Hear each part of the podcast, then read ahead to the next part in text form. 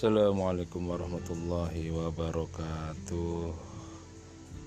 Uh, Alhamdulillah teman-teman semuanya yang kebetulan mendengar podcast ini kami ucapkan selamat mendengarkan dan berbagi ilmu ya. Uh, banyak orang mengeluh tentang kehidupan ini.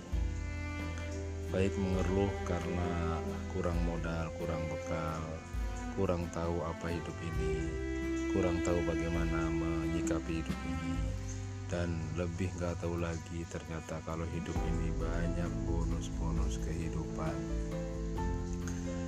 Uh, saya sampaikan berdasarkan uh, ayat suci Al-Quran ya. Itu sangat luar biasa. Nah, nanti bisa baca sendiri ayatnya Arabnya tapi intinya begini dalam kehidupan ini ada ada lima yang perlu kita perhatikan. Yang pertama ada namanya modal hidup. Yang kedua ada namanya bekal hidup. Yang ketiga ada namanya cobaan hidup atau ujian hidup.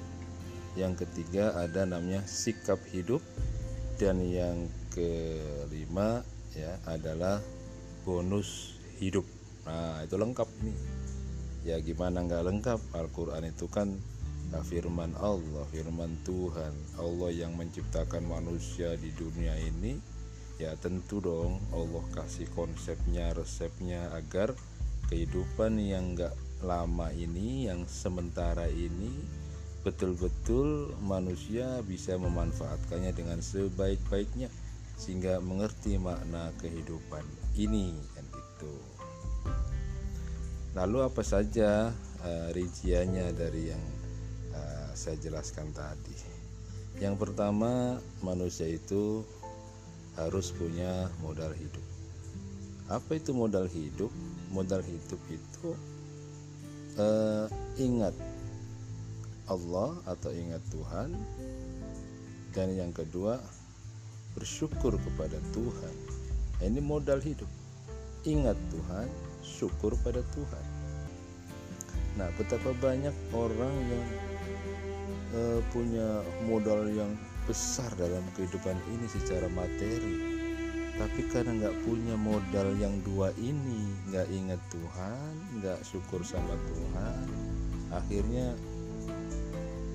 materi yang begitu melimpah ya terasa kurang, tidak merasa uh, nyaman, nggak tenang hidupnya, bahkan juga selalu gelisah, tidur di kasur yang empuk tapi terasa nggak nyenyak. Ya.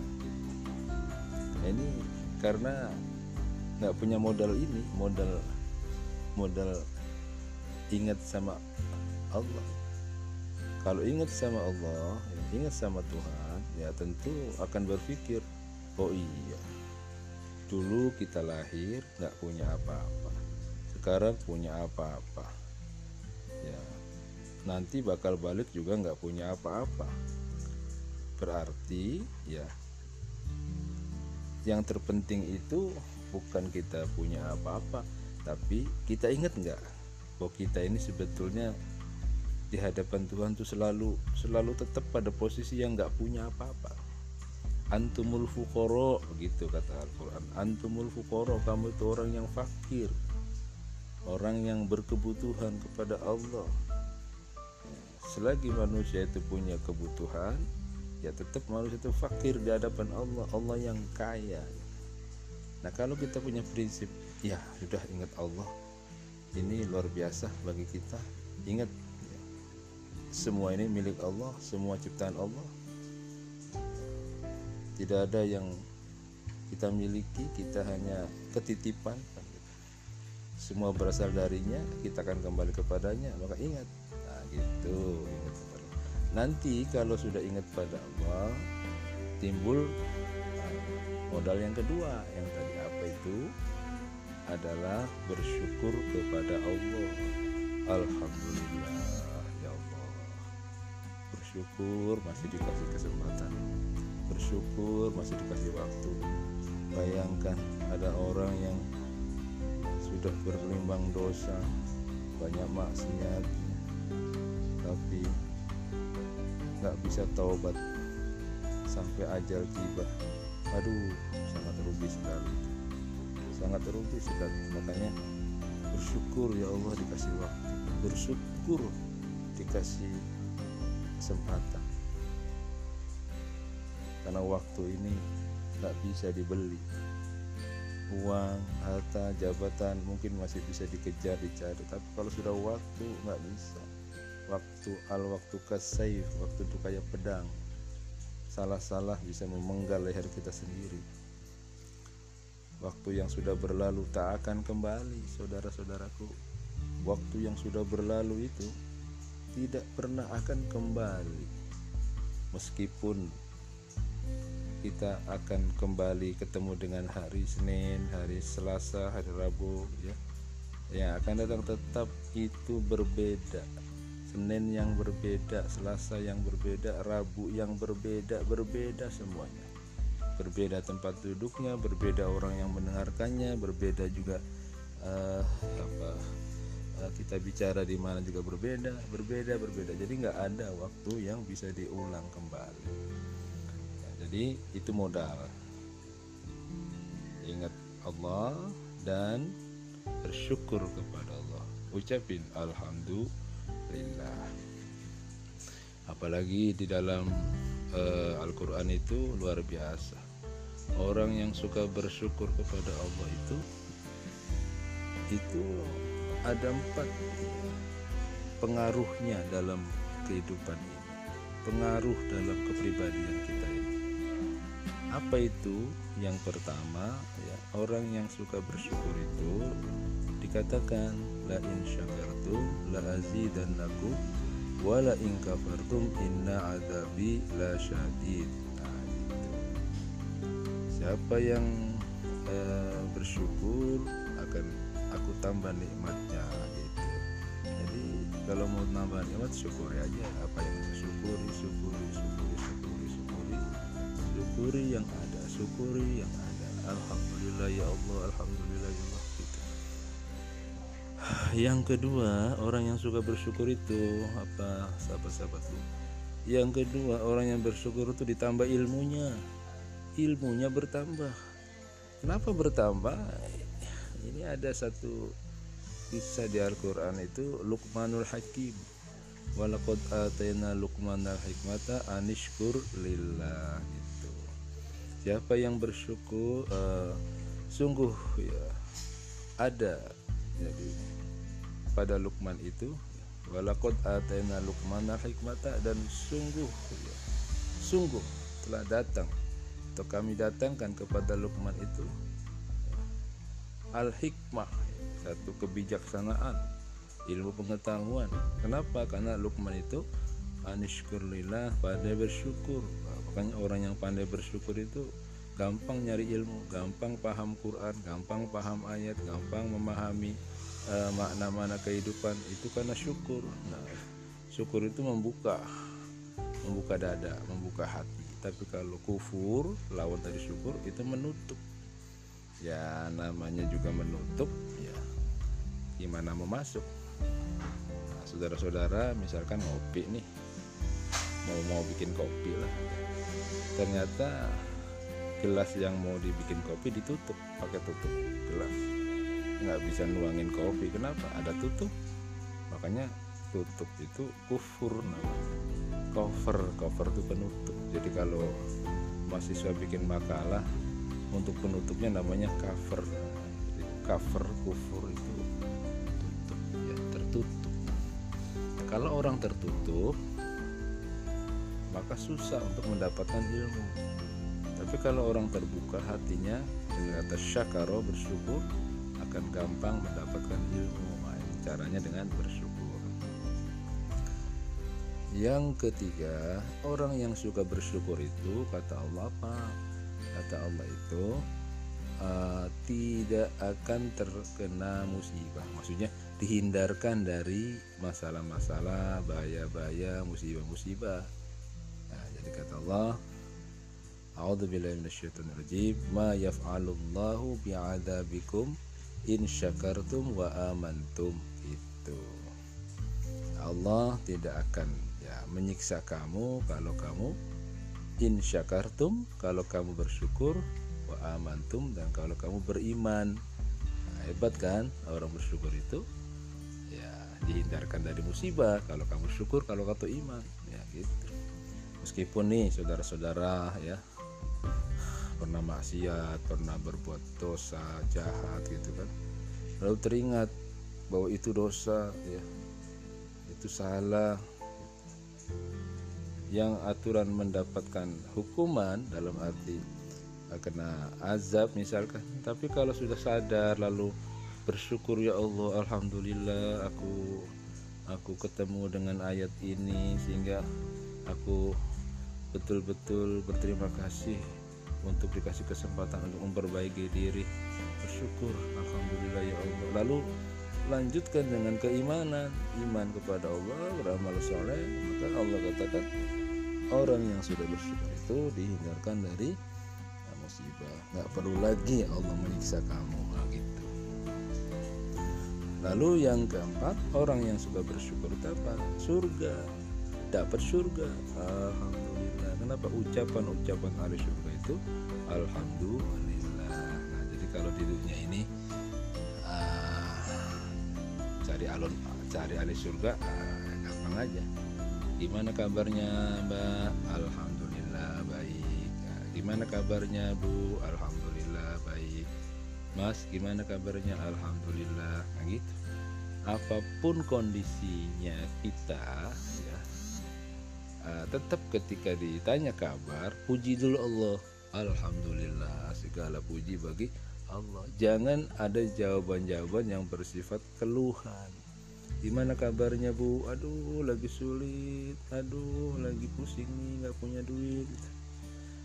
Itu ucapan-ucapan itu nggak akan memperbaiki prinsip hidup. Ucapan-ucapan itu justru akan uh, apa namanya mensugesti dirinya untuk tetap pada posisi seperti itu. Nggak ada perbaikan. Tapi kalau alhamdulillah ya Allah masih bisa masih bisa makan masih bisa minum masih bisa ibadah nah itu nanti Allah ganti itu. Allah akan rubah keadaannya. Nah itu.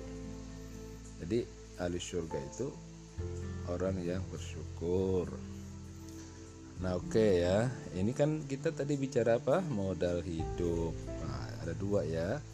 Apa? Ingat Allah dan bersyukur. Lalu itu bagian pertama ya. Kan ada ada ada lima bagian ya. Bagian pertama ini namanya modal hidup. Yang kedua bekal hidup. Nah gitu. di samping di samping modal kita harus punya bekal juga gitu. apa bekalnya? nah, bekalnya itu kata Allah minasyaitonirrajim Ya ayyuhalladzina amanu ista'inu bis-sabri was-salah. Innallaha ma'as sabirin nah, itu kata Quran. Ya ayyuhalladzina amanu hai orang-orang yang sudah beriman. Ista'inu minta tolonglah kamu kepada Allah bisobri dengan cara sabar wassalat dan dengan cara sholat.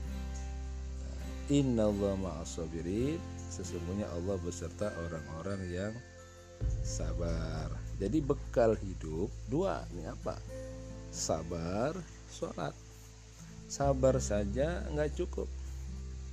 Maka ditambah dengan sholat. Sholat saja nggak cukup kalau nggak sabar maka sabar dan sholat ini dua-duanya harus berjalan.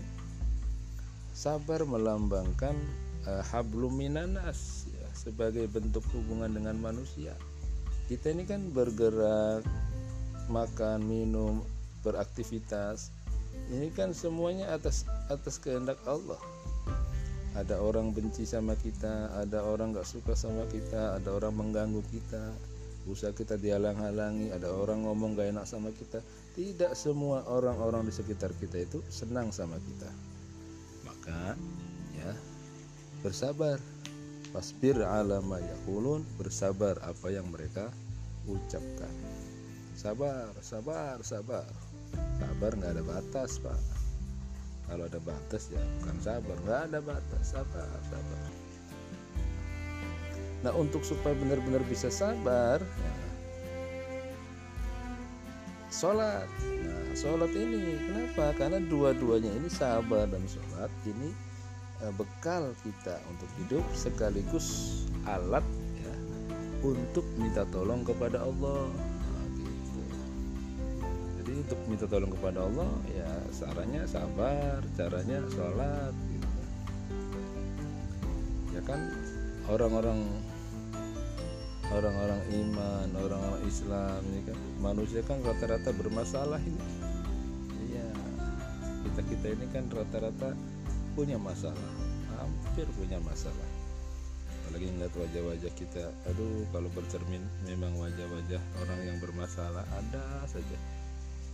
Ya selagi hidup masih uh, dikasih hidup ya selagi diizinkan ya selalu ada masalah-masalah nah makanya Allah kasih ya kesempatan untuk ambil bekal ini. Sabar sholat nanti Allah janji tuh.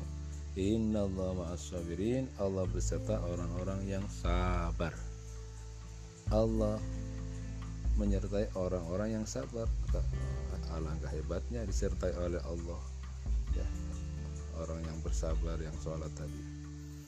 Mungkin saudara-saudara bisa membayangkan atau bisa mengilustrasikan kalau ada seseorang diajak oleh pembesar ya, pembesar negara negeri ini ya atau diajak oleh orang kaya lah gitu diajak makan ajak minum ajak jalan-jalan namanya kan disertai oleh orang yang besar tuh. Kira-kira kalau mampir di restoran yang bayarin makan siapa? Ya bos itu. Kira-kira kalau jalan-jalan siapa yang yang membiayainya membayarkannya? Ya orang besar itu. Nah ini maksudnya. Jadi kalau orang sudah sabar sudah sholat Allah beserta orang-orang yang sabar yang sholat tadi. Jadi kalau sudah Allah mendampingi ya insya Allah semua persoalan semua masalah dikasih Allah solusi.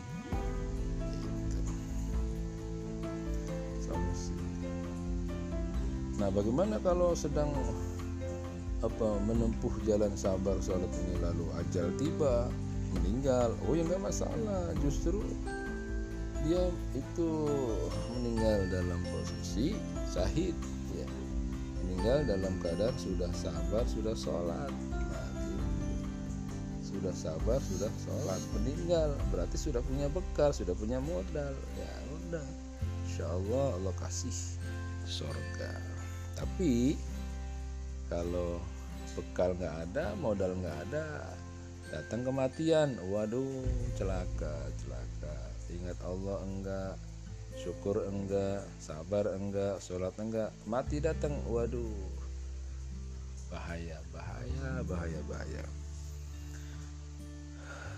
Banyak orang yang sudah di alam sana itu pengen balik ke dunia gitu. Pengen jadi orang muslim tapi kan nggak bisa lagi. Di surat An-Naba ayat terakhir kan dikatakan ya laitani kuntu turaba. Ah, gitu. Ya Tuhan jadikan aku debu saja. Mereka sudah melihat. Orang kafir sudah melihat tempatnya di mana? Di neraka. Khalidina fiha. Aduh selama-lamanya maka dia minta ya Tuhan jadikan aku debu saja. Pengen jadi debu. Supaya nggak disiksa begitu pikirannya. Tapi kan nggak mungkin ini hanya hayal hayali nggak mungkin. Oke kalau sudah meninggal selesaikan urusannya. Udah punya modal punya bekal lalu meninggal. Selesai urusannya di dunia nah masuk ke kehidupan akhirat yang bahagia. Tapi bagi yang masih hidup Allah ingatkan lagi di samping modal hidup bekal hidup ada namanya ujian hidup. Nah ini harus diperhatikan. Apa ujian hidup itu? Nah, Allah katakan A'udzu billahi minasyaitonir rajim wa lanabluwannakum bisyai'in minal khawfi wal ju'i wa naqsim minal amwali wal anfusi wa thamarat wa basyiris sabirin. Nah kami uji kamu dengan sedikit ketakutan kelaparan kekurangan. Kurang harta kurang jiwa kurang buah-buahan. Nah ini ujian. Ujian hidup. Takut. Takutnya ujian. Takut. Dan kita rasakan sendiri ada ketakutan-ketakutan. Nah kalau sudah dengerin uh, ayat tadi oh ya takut ujian. Takut segala macam jenis takut. Takut ngadepin masa depan. Takut mungkin yang remaja ya. Takut nggak punya kekasih.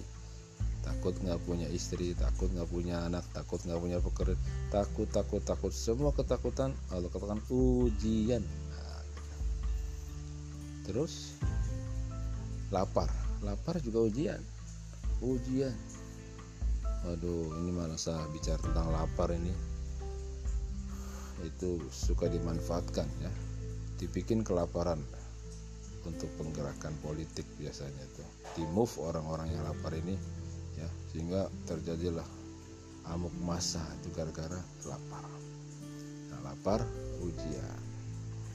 Lalu kekurangan harta jiwa ujian juga.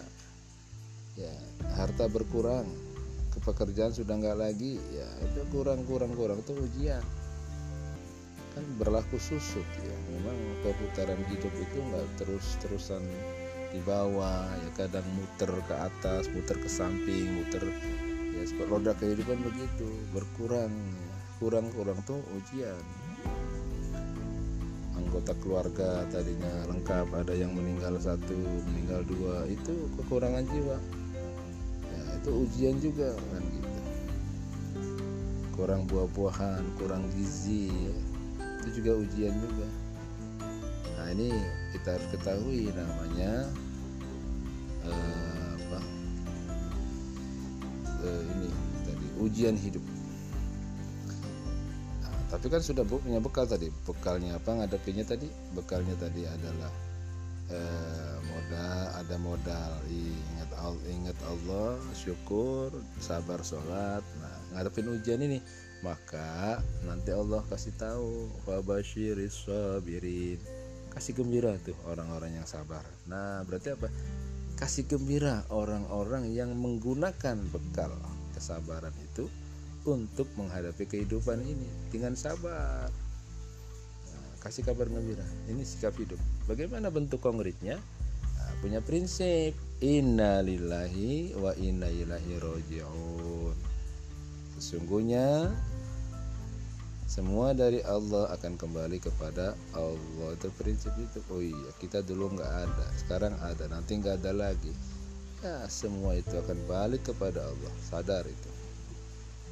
Jadi mampu menghadapi uh, ujian hidup tadi. Ini namanya sikap hidup.